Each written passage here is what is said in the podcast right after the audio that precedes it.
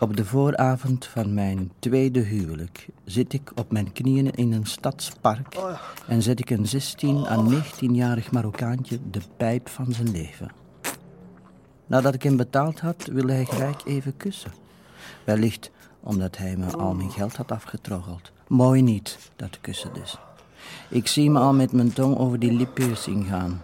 Harde kussen van microben en besmetting, dat kan hij vergeten. Kun je zeggen van een pijpzetting dat ze je niet smaakt? Zoals je van een maaltijd kunt zeggen dat ze je misvalt. In dat geval smaakt de pijp mij niet. Of toch veel minder zo te horen dan wie ze krijgt toebedeeld. Die jongen kreunt de eekhoorns uit de bomen. Straks verlies ik er mijn concentratie onder. Ik hoop maar dat de wandelaars vandaag hun hond aan de leiband houden. Dit is geen kreunen meer, dit is janken naar de maan. Wat me aan deze jongen nog het minst opwindt, is zijn scrotum. De echte balzak bevat ballen. Wat mijn vingers hier strelen en kneden is een schraal zakje verdriet, een en al rimpels en plooien. Ik dacht eerst dat hij geen ballen had. Heb ik hier verdorie toch een invalide getroffen? Ik wil mijn geld terug. Hier zit ik dan, met mijn seksuele heimwee, s'nachts op mijn knieën, in een stadspark, strelend en knedend, met in mijn vingers nog de herinnering aan jouw perfecte klootzak. Om mijn kaakspieren een kans te geven te ontspannen, begin ik mijn deelgenoot met de hand af te trekken. Ik begin zijn zak te likken. Ik ben een grote fan van het likken aan de zak. Hij ook, zo te horen. Deze zak smaakt naar borrelnootjes. Waarschijnlijk heeft hij lang staan wachten op klanditie. Heeft hij de inwendige mens willen versterken met borrelnootjes? Heeft hij een opkomende kriebel bedwongen door met zijn eethand eens flink aan zijn zak te scharten? Op zich begrijpelijk. Maar, maar stel nu eens dat ik allergisch was geweest voor noten. Dan lag ik nu schuimbekkend achterover op mijn rug te stuiptrekken, vermoord door een scrotum met notensmaak. Je mag van de oprukkende civilisatie zeggen wat je wil, maar de mogelijkheden om volstrekt surrealistisch aan je eind te komen neemt exponentieel toe. Ik schakel gelijk weer over pijpen. Mijn deelgenoot voelt het aan als de ultieme stimulans. Hij is zover. Nu al? Ik zou niet graag uitrekenen hoeveel ik hem betaald heb per minuut. Toch blijft hij klagen en worstelen, de aansteller. Ik trek mijn mond te laat weg. Zijn eerste scheut belandt tegen mijn tong en mijn verhemelde. De rest schiet hij op mijn schouder. Nog flinke klodders ook, voor zo'n bescheiden geval. Ik vast. Ik vast. Het piercingstaafje door zijn onderlip heeft zich aan de binnenkant vastgehaakt tussen zijn twee voortanden. Onder het metalen balletje vandaan sijpelt bloed. Ik zit vast. Een wederkerige pijbeurt kan ik nu wel vergeten. Ik zit in een wachtkamer met zes lege stoelen onder het licht van TL-buizen. In het hospitaal waar ze jouw koud geworden vingers bijna hebben moeten breken om hun noodknop terug te krijgen. Ik doorzoek zijn portefeuille. Die jongen heet dus Ahmed, woont een paar straten hier vandaan. Ook tref ik een paar foto's aan. Een middelbare vrouw met een hoofddoek en een stoere bink van, ik schat, vijf jaar ouder dan Ahmed. De gelijkenis is treffend. Ahmed komt binnen met een pleister op zijn monsterlijk gezwollen onderlip. Ogen die rood zijn van het huilen. Jij bent mijn vriend. Eindelijk weer eens een vriend. Nu nog van hem afraken voor mijn huwelijk begint. Over een paar uur. Mijn broer zal kwaad zijn. De broer op de foto. Hij zal me weer slaan. Je hebt toch al een dikke lip. Mag ik niet bij jou komen wonen? Ik weet zeker dat ik het nog overwogen zou hebben ook, mocht ik niet op het punt staan om te trouwen. Eh, ja, meneer Zebrechts, u, mag nu de bruid kussen. hè? Ik kus niet op bevel, ik kus waar en wanneer ik dat En waarom wil hij me niet kussen? Ben ik niet goed genoeg? Ben je vis van mij? Afrikanen kussen niet, meneer Pastoor. Dat is tegen hun principes. Wat weet je daar nou van? Maar ik ben toch genoeg op excursie en op safari geweest. Nee, meneer Pastoor, geloof me, ze kussen niet. Zo, en ik heb hier heel mijn leven gewoond, hè? Jenny en Karel kijken, de ogen wijd open, de mond ook. Op de eerste rij staren de verwekker en zijn verpleegster ons aan. Zelfs op de laatste rij zie ik commotie. Rekkende halzen, verbaasde gezichten. Ik mag er niet aan denken hoe het gezicht eruit moet zien van Van Dessel, ginds daarboven. Ik trouw. Ik wil gekust worden. Nu. Hier, voor dit altaar en door hem. Kussen wordt gigantisch overschat. Ja, dat is, dat is ook waar. Ja, ja, ja, ja. Ik word gekust of ik ga niet naar buiten, hè? Maar we kennen elkaar amper. Wat zou wij opeens beginnen te kussen bovendien? Het is, het is echt heel onhygiënisch. Ah, Jesus. Ze neemt mijn hoofd in haar beide handen en drukt haar mond ongeremd op die van mij. De mond waarmee ik een paar uur geleden een manhopig zwerfhondje ter wille ben geweest.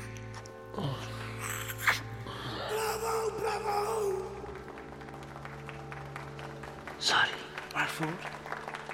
voor alles. Laat maar zitten, het is oké. Eh, ja, u mag nu wel ophouden met de bruid te kussen, hoor.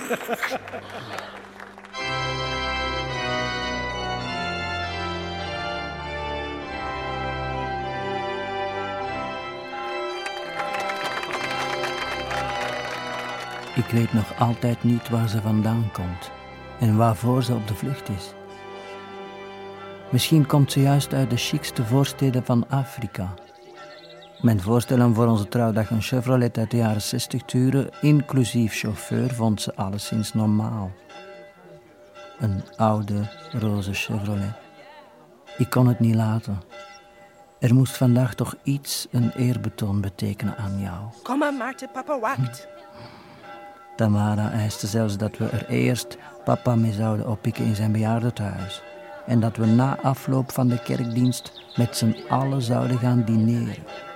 Papa noemde ze hem. Ze heeft echt een prehistorische eerbied voor familiebanden. Dag meneer Sebrechts. Dag. Een schitterende dienst. Zo ziet je niet veel meer tegenwoordig. Gefeliciteerd, echt waar. Meneer Sebrechts, u denkt toch niet dat het nu afgelopen is? Nee, dat is ook juist. Afgelopen is het nog niet, maar wat een dienst. Ik maak er melding van in mijn rapport. In geval als dat van u volgen wij nog maanden. Hoe staat het trouwens met de baan? Pardon? Je zou haar toch aan werk helpen, hè? Ja, ja, ja. Ik heb een sollicitatiegesprek voor haar geregeld. U moet mij excuseren, maar mijn vrouw roept. Allee, kom aan. Ik kom!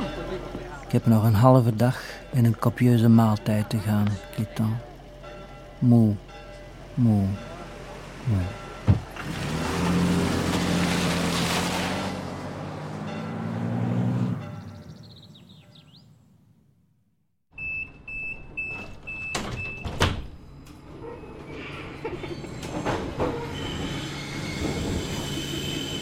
Gaat daar voor de wind.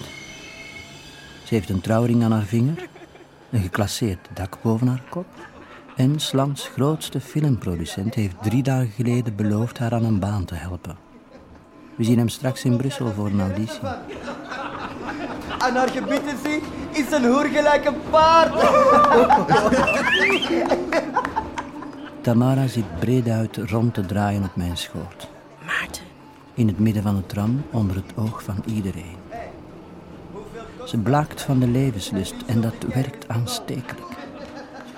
Ik moet nog altijd al mijn medicijnen slikken. En mijn tests worden er niet beter op. Maar ik voel me anders. Lichtvoetiger, Maarten. lichtzinniger. Hé, hey, Bompa. Geef dat zwart niet af op uw fluit. Je steekt hem rood in en dan komt er donker uit. Omgekeerd, het is erger. Zwart erin en roze eruit. Dan dan heeft hij geen, geen kut, maar een puttenslaper. Een vijftal opgeschoten jongeren. Alle vijf behoren ze tot het Arabische type. Alle vijf dragen ze sleetse gimpies en kleurige sweaters met capuchon. Alle vijf gespierd genoeg om abonnees van een sportschool te zijn. Alle vijf. Bompa, je nu wat paaldansen? Waarvoor staan al die palen hier anders? Za, za kan zonder stangen blijven hangen met die zaagnap, dat saai hè? Za, ik kunnen tranen in bananenbomen. Hé, Bompa! We stappen uit bij de volgende halte. Ze stappen gewoon mee uit. Zij heeft voor alles kunnen trainen met bananen. Ik herken er ineens één. De knapste. En hij voert het hoogste woord. De broer van Ahmed. Het Marokkaantje van de week. Trots en mannelijk stond hij op de foto. Hij zal wel Abdul heten. Hé, Bompa, hoeveel bananen kunnen er eigenlijk in? Twee of drie tegelijk? Misschien wel vijf, met zo'n naschoten. Hé, Bompa, mogen wij eens proberen? Nu is het genoeg geweest, Martin. Doe iets. Zij zijn wel met vijf. Je stapt naar die met de grootste mond en je zegt dat zijn moeder een hoer is. Hè? Daar worden ze kwaad van. Hé, Bompa, waarom zwacht ze? Is ze besneden soms? Is er lippen kwaad, van onder en van boven? That's it. Ik zeg het zelf. Nu stopt er! Want anders... Anders wat? Gaat je zelf paal dansen, hè? Volgens mij zou jij die paal het liefst in je gat hebben. Hij is wel lang. Anders draai ik hem mijn hand niet voor op. Maar ik kan u één ding zeggen, hij is wel dikker dan die van u. En dan weet ik uit heel goede bron, hè, vriend. Zeg dat nog eens. Zeg het hem. Zijn moeder is een hoer. Luister, wij hebben allebei ons plezier gehad. Ik ging te ver, jij bent te ver gegaan. Z- zouden we elkaar niet beter gewoon als volwassen mensen een hand geven en het hierbij laten? Mijn vrouw en ik, wij moeten naar Brussel voor ons werk. Anders dan zou ik nog heel graag met u een glas gaan drinken, op mijn kosten. Geen alcohol, gewoon een glas eh, fruitsap of, of botermelk of zo, of spaarrood met grenadine of appelthee. Wat wil ze dat gezegd? Zeg je, zeg je, zeg je. Oké, ik heb erom gevraagd. Om wat? Uw broer is een hoer. Zijn moeder! Zijn moeder is een hoer. Die ook. Maar van zijn broer weet ik het zeker. Mijn broer. En niet eens een goeie hoer, hè. Als je hem ziet, zegt hem dan dat ik de helft van mijn geld terug wil. Ik heb niet eens een broer. Ik heb u wel gezien. Op de foto in zijn portefeuille. Hoe zou die broer van mij moeten eten? Ahmed. En wil ons niet excuseren, we moeten er hier uit. Hoe durft jij zijn moeder een hoer te noemen? De bende van Abdul volgt ons, Gaetan. Zonder verpinken. En ook zonder op het rode licht te letten. We vormen een bizarre miniatuuroptocht. Zeven personages op de vlucht. We baren opzien. Sommigen, vrees ik, verdenken ons van straattheater. Als dat gewoon het vinden, moest ik alle moeder een hoer noemen. Ik heb mijn moeder nooit gekend. Ze is in mijn bevalling gebleven. Of vind je het raar of wat? Dat de moeder van iemand gelijk gaat in, in de bevalling blijft. Stop, stop ermee. Het is genoeg. Vanaf nu respect. Respect voor iedereen. Onze kleine optocht is tot stilstand gekomen. In het midden van het breedste trottoir van de stad. Zeven personages. Niet langer op de vlucht. Een apology. Nu. Ik eis excuses hè, van alle vijf. En dan ga ik hier weg. Waarom zou ik mij verexcuseren? Hè? Bij Zwarte Piet gelijk ga? Omdat het eens wat anders is dan geiten en kamelen neuken. Zouden we niet beter stoppen? Allemaal. Komt dan maar, we hebben nog tien minuten om de trein te halen. Ik neuk nog liever met kamelen dan mijn eigen rin. Zeg, wanneer is de moeder van u ook weer gecupeerd? En wat is haar beroep ook alweer? Ik waarschuw u. Je zou haar beroep het best moeten kennen. Stupid son of a bitch. Jij bent uit haar hoog geboren, want haar poes was bezig met te naaien. Ik wil gewaarschuwd. Tamara ligt achterover op het trottoir. Ze heft versuft haar hoofd op. Ze bloedt uit haar neus en uit haar mond. En Abdul schokt op mij af, telkens iets dichterbij. Hartverscheurend knap is hij. Ondaan van de capuchon is zijn karakterkop nog aantrekkelijker. Verbetenheid, woede, spijt, rouw. Ze ballen zich samen in één gelaatsuitdrukking. In één blik van zijn onpeilbaar donkere naar ware vriendschap hunkerende ogen. Ik sta zozeer van die aanblik te genieten dat ik de voet in de versleten gymschoen niet zie aankomen.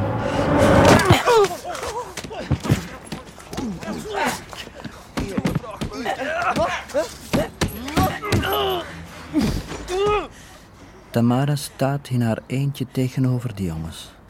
Met in haar rechterhand haar schoen.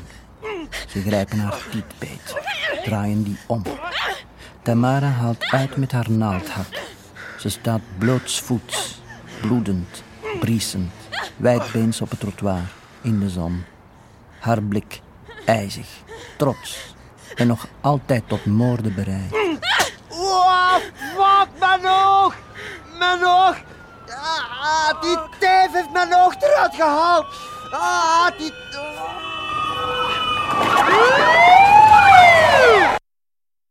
Ik heb, denk ik, al twee weken bloed gepist. Het kunnen er ook drie zijn. Ik heb altijd van onze slaapkamer gehouden vanwege het licht. Ik kan nergens beter liggen te lijden. Perfect belicht, in het midden van een kamer met perfecte verhoudingen en in hetzelfde bed waarin ook jij hebt liggen te lijden. Ik ga even naar de shoppingcenter, oké? Ja, tot straks. Ik zou er nooit meer aan gedacht hebben. Al die dagen dat Tamara op eigen houtje de stad introk.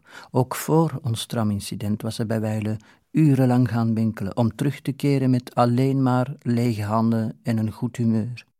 Ik zou er nooit meer aan gedacht hebben. Indien niet. Ik heb goed nieuws en ik heb slecht nieuws.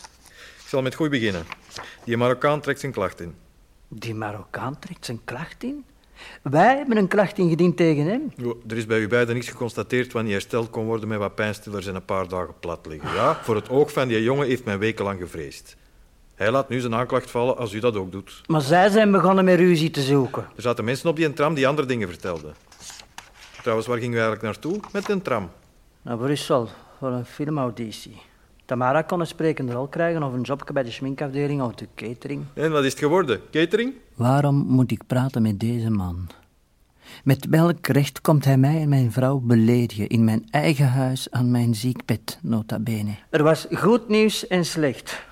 Als wat je tot nu toe hebt gezegd het goede nieuws voorstelt, dan wil ik het slechte niet horen. Als ik alleen maar goed nieuws had, dan zou ik hier niet zitten.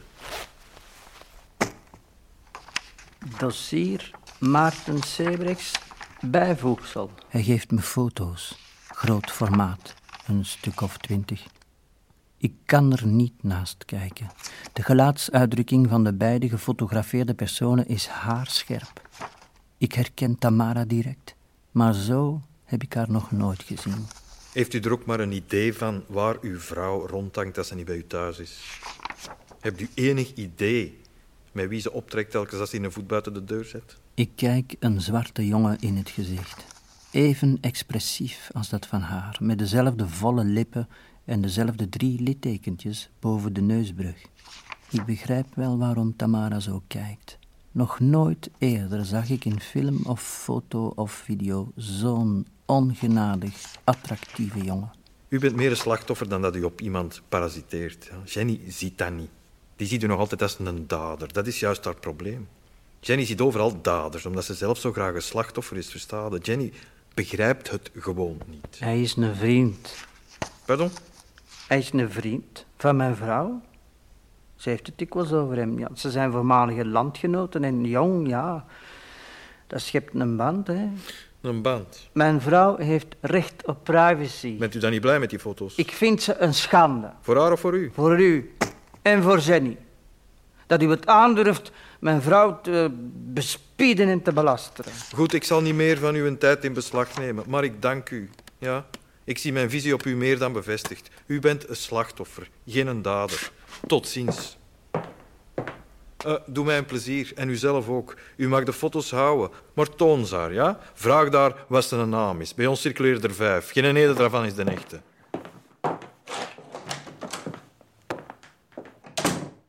Philip. Is dat zijn echte naam? Natuurlijk. En waar zit hem nu? In het café om de hoek? Hij wordt uitgewezen. Hij is, hij is uitgeprocedeerd. Hij zit vast in een centrum. Ik heb net nog een uur met hem kunnen bellen. Hoe lang ken hem al? Tamara, wie is hij? Philip is mijn broer. De enige familie die mij rest. Uw broer. Ja, en, en al die mensen daar, de tralies, de muren, dat, dat overleeft hij niet. Dat is de hel. We, we moeten hem eruit krijgen, hè? Jij en ik samen. Luister, ik kan moeilijk ook nog eens met je broer trouwen. Hè. Ik denk trouwens niet dat Van Dessel daarvoor wil betalen. En ik denk ook niet dat we daar op een kerk voor gaan vinden. We moeten voor hem klaarstaan als hij daar ontsnapt. Ontsnapt? Kijk, we moeten hem verstoppen, hè? Ons huis is genoeg voor drie. Philip hoort daar gewoon niet thuis. Hij en in mijn huis hoort hem nog minder thuis. Je bent zo selfish en egoïst. En jij een kalf. Maar denkt u nu echt dat ze hem niet direct komen zoeken bij ons? Denk toch na. wat hij niet is waar hij is. Ah, Ze zijn mij hier twee dozijn foto's komen laten zien van hem. Luister, Maarten, luister. We smokkelen hem s'nachts binnen. Hij weet waar we wonen. En waar steken we hem dan overdag? In die gemaakte kast. Oh, of in de frigo. Waar een wil is, is een weg. Maar ze zullen twijfelen aan ons, aan u en aan mij. Ze gaan uw papieren terug afpakken, uw nationaliteit. Dat moet dan maar, hè. Voor hem doe ik alles. Zonder hem kan ik niet leven. Ah, Jesus. Ze weet Van Dessel dat eigenlijk al. Ja, dat kan me niet schelen, hè. Hij moet er maar mee leren omgaan. En jij ook.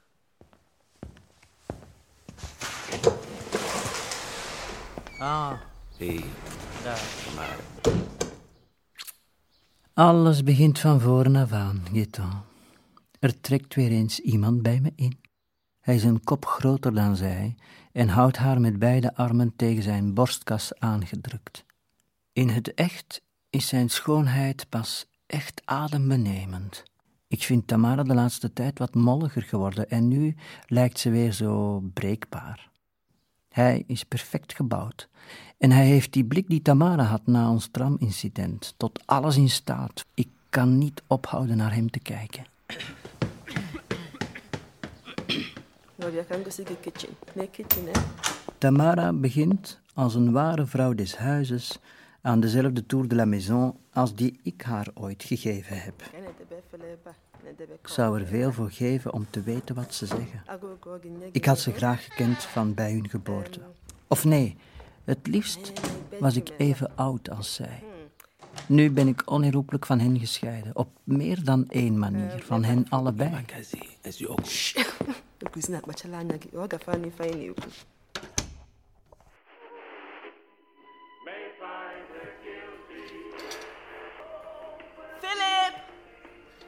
Philip! Het ontbijt is een bizarre affaire. Ik zie lijkbleek. Ik heb vannacht twee handen vol aan besmeurde tissues doorgespoeld in de wc. Philippe komt maar niet opdagen. Er is feestelijk gedekt voor drie met bloemen en croissants en gekookte eitjes en al. Ik begin uit beleefdheid nog niet te eten. Ja, begin maar aan, hè. Allee, F- Philip was bekaaf. Geen lang stukje voet moet je afleggen langs de autostrade. Levensgevaarlijk het is, hè. Je komt zo dadelijk wel. Begin, begin. Rustig, rustig maar, ik begin al. Ik eet als een muis met kleine beetjes van de croissants en het beleg die mijn maag ontregelen.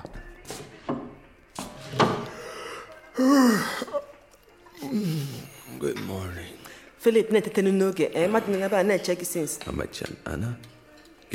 Goed zo. Ze eist natuurlijk van hem dat hij in het vervolg op tijd naar beneden komt. Die Philip moet niet hopen dat hij een streepje voor heeft en hij moet zeker niet denken dat hij mij nu al zomaar kan vervangen. De afspraak is dat hij zich onzichtbaar zal maken. We lopen alle drie groot risico vanwege hem. Ik ga even naar de shoppingcenter, oké? Ik betrap hem vlak voor het raam in zijn onderbroek met een biertje in de hand. Hij wil per se naar buiten kijken. Hij staat hier al een kwartier. Ik zeg er niets van. Ik sta ook te kijken naar hem. De belichting is onverbiddelijk volmaakt. Hij draagt steeds meer kleren van jou, tot en met schoenen en ondergoed. Als hij het niet deed uit zichzelf, ik zou hem erom smeken. Een babbelaar is hij niet. Wanneer komt dan toch die klop op de voordeur? Of dat indringende schellen van de bel? Ik kijk toe als hij traint. Elke dag. Zo gedisciplineerd is hij wel, als het zijn lijf betreft. Na het sporten doucht hij en kniel ik neer op de overloop. Ik kijk door het sleutelgat van de badkamerdeur. De perfectie staat zich te wassen in mijn douchecel. Opnieuw, zomaar tentoon, na al die jaren. Dit keer zwart van huid.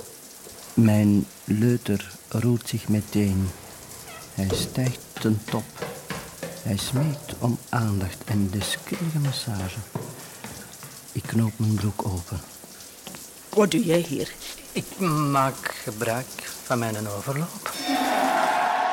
Eén keer slechts heb ik het gevoel te mogen spreken van een geslaagde sequentie met Philip.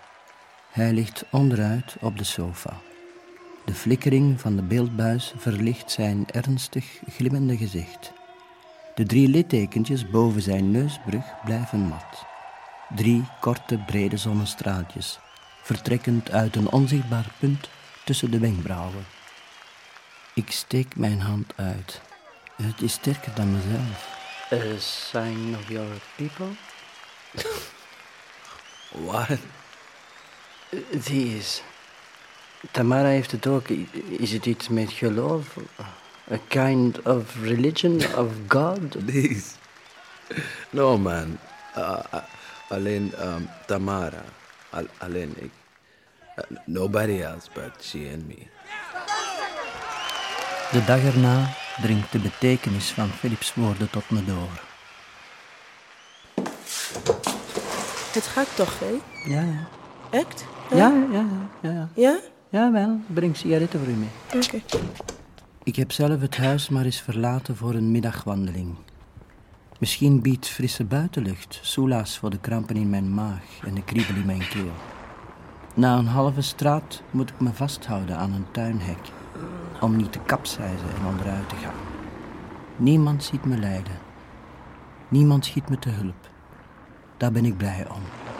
Ik heb niemand nodig. Ik kan dit alleen af.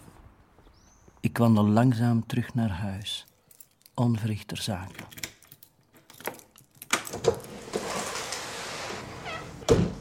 De deur van de logeerkamer staat op een kier. Waar Filip zijn verblijf houdt en waar ook Tamara slaapt. Naast zijn bed, op mijn tatami. Want Filip heeft bij het slapen last van nachtmerries. En dan wil mijn vrouw in de buurt zijn om haar broer bij te staan. Tamara ligt niet bepaald op mijn tatami. Een nachtmerrie zou ik dit niet noemen, toch niet voor hen. Philips bekken gaat in overdrive. En van zijn tong kun je gerust hetzelfde zeggen. Het is een machtig lebber dat hier een aanvang neemt tussen die pezige, sidderende dijen van mijn wederhelft. Sorry, maar de sigaretten waren op. En ik denk dat ik maar eens ga bellen naar de vreemdelingenpolitie. Maarten! Nee, alsjeblieft niet. Lu- Luister naar mij, alsjeblieft, Maarten. Niet bellen. Nee. Hij moet Nee, het huis please, you. Ze kent Philip al langer dan Van Dessel, zegt ze. Ze is vooruitgereisd. Philip is haar gevolgd. Ze zijn de hele tijd met elkaar in contact gebleven, wachtend op het moment van onze scheiding, waarna ze Van Dessel zouden dumpen. Alles was vooraf gepland, behalve dat ze me zo aardig zou gaan vinden. Ik heb nog nooit iemand zo uitzinnig gezien van vrees. Alsjeblieft, Maarten. I want you to get out of my house. Hij staat voor me, dichter dan ik ooit van hem heb meegemaakt. Ik wijk niet. Ik kan zelfs zijn adem voelen. I know what you want. I want you to get out of my house. I know what you want. Hij benoemt wat ik wil. Het is niet wat ik wil, maar het komt in de buurt. Ik lig plat op mijn rug op het logeerbed, op de plaats waar zij zo even lag. Zij ligt over me heen, steunend op haar knieën en haar ellebogen. De adem van Tamara geurt naar de verborgen rijkdommen van Philip. Haar hoofd hangt boven dat van mij. Haar kont steekt ze lichtjes achteruit. Haar tietjes hangen dierlijk naar beneden. Haar verrassend bolle buikje houdt ze angstvallig ingetrokken, opdat het geen moment dat van mij zal raken. Ze heeft me verzorgd, ze heeft me gewassen, maar opeens is ze vies van mij. Erg vind ik het niet eens dat ze haar pens intrekt. Zo kan ik tussen haar tietjes en haar dijen toch af en toe een blik opvangen van het blote onderlijf van Philip. Met mijn eigen hand houd ik mijn oude geteisterde leuter overeind. We wachten allebei op Philip. Die staat aan de stand van zijn trillende leuter te zien, nog volop te genieten van ons achteraangezicht. Zijn eikel is zwart als de nacht. Het gaat niet om Tamara. Het gaat om mij en Philip. Dit is de enige manier om dicht bij hem te raken, met Tamara als zachte transmissie. Wat ik hoopte gebeurt. Hij slaat nu bij elke stoot met zijn balzak tegen die van mij, weg en weer. Ik voel plots een gigantische buikwind opzetten. Bij elke stoot die ik probeer ten uitvoer te brengen, voel ik hem winnen aan kracht en urgentie. Meteen verlies ik de extase die nodig is om het minnespel tot een geslaagd einde te brengen. Ik geef op. Laat Philippe en Tamara het zelf uitzoeken. Mij rest nu nog maar één taak. Beheersing van de Big One. Ik ben niets meer voor hen dan een oude, eeltige dildo. Tot meerdere eer en glorie van hun liefdespel. Philip bijt naar haar. Tamara hapt de liefde van haar leven tegemoet. Deze kus, vlak voor mijn gezicht, is een van de mooiste en onthutsende gebeurtenissen die ik ooit heb gezien.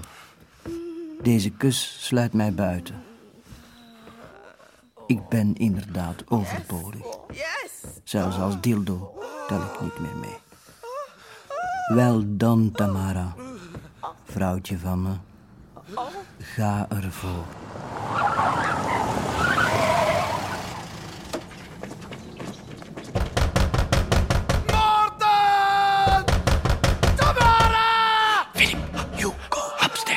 Tamara, sluit u op in de logeerkamer. Het is nooit zeg ik van, dit zal dat je niet thuis bent. Nee, nee, nee, nee, Martin.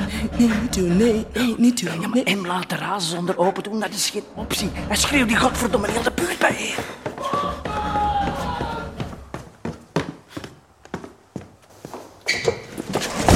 Ik vertrouwde nu, Maarten Sebrechts. Ik heb u godverdomme een fortuin betaald. Ik heb u gewaarschuwd en hij is zwanger. Zwanger. Zwanger. Ik weet van niks. Echt niet. Ze zou weer op maten van haar lijf afblijven. En ik geloofde dat. Ik geloofde nu. Ik wilde nu niet meer de tijd volgen. Het zo goed. Zo goed. Maar dat er dat ik niet weet wanneer dat hij naar de dokter gaat. En dat ik niet weet waarom.